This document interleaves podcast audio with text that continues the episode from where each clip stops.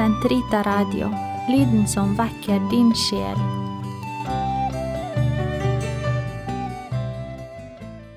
Den katolske kirkes katekisme, uke 39, tirsdag 727 736.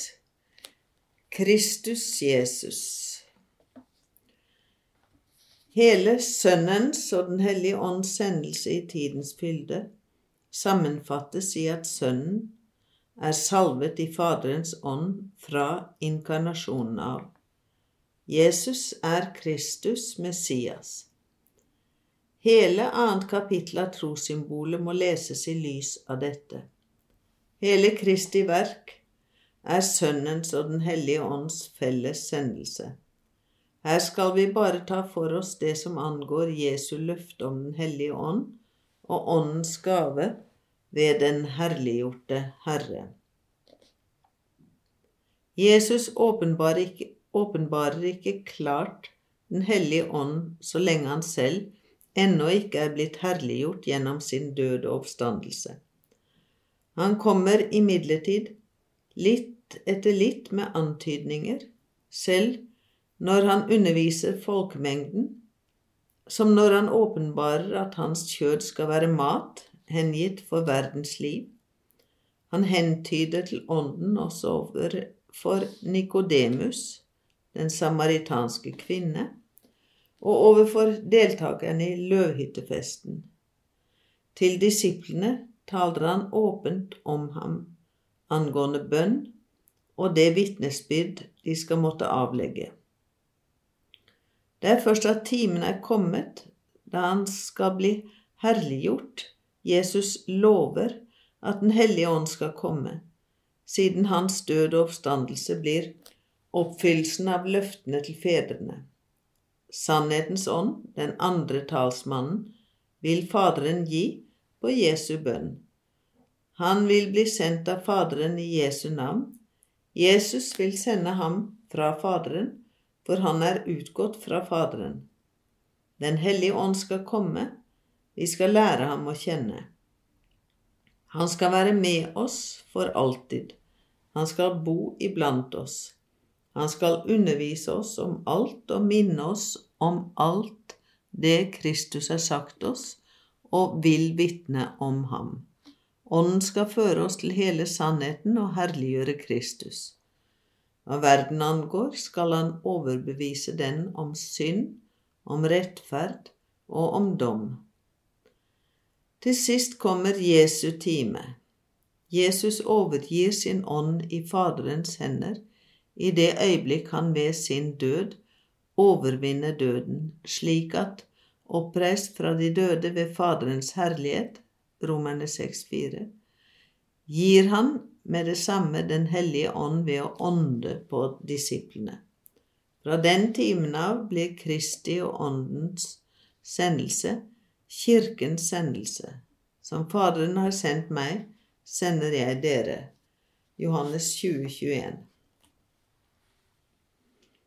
Ånden og Kirken i de siste tider. Pinsen. Pinsedag avslutningen på de syv påskeuker, fullendes Kristi påske ved utgytelsen av Den hellige ånd som blir åpenbart gitt og meddelt som guddommelig person. Av sin fylde utøser Kristus, Herren, Ånden, i rikt mål.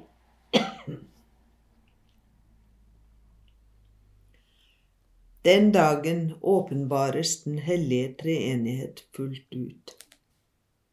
Etter den dagen er det rike Kristus forkynte åpent for dem som tror på ham.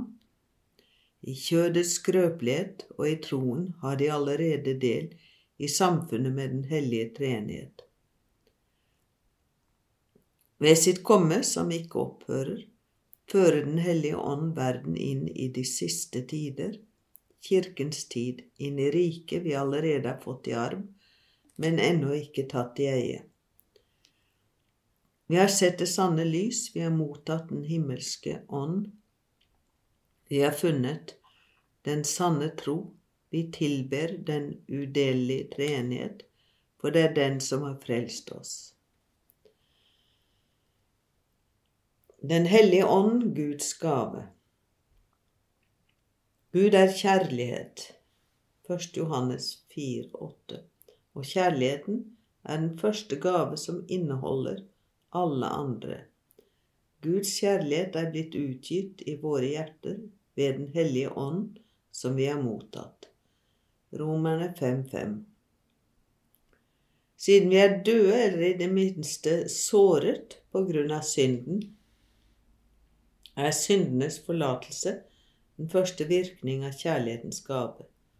Det er samfunnet med Den hellige ånd, 2. kor 13.13, som i Kirken gir de døpte tilbake den likhet med Gud som var gått tapt ved synden.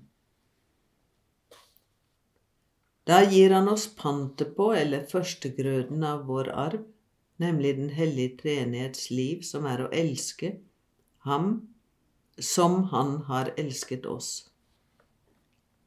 Denne kjærlighet, første kor 13, er utgangspunktet for det nye liv i Kristus og blir gjort mulig fordi Den hellige ånd skal komme over dere og gi dere styrke. Apostelgjerningene 1,8 Det er ved denne åndens kraft Guds barn kan bære frukt.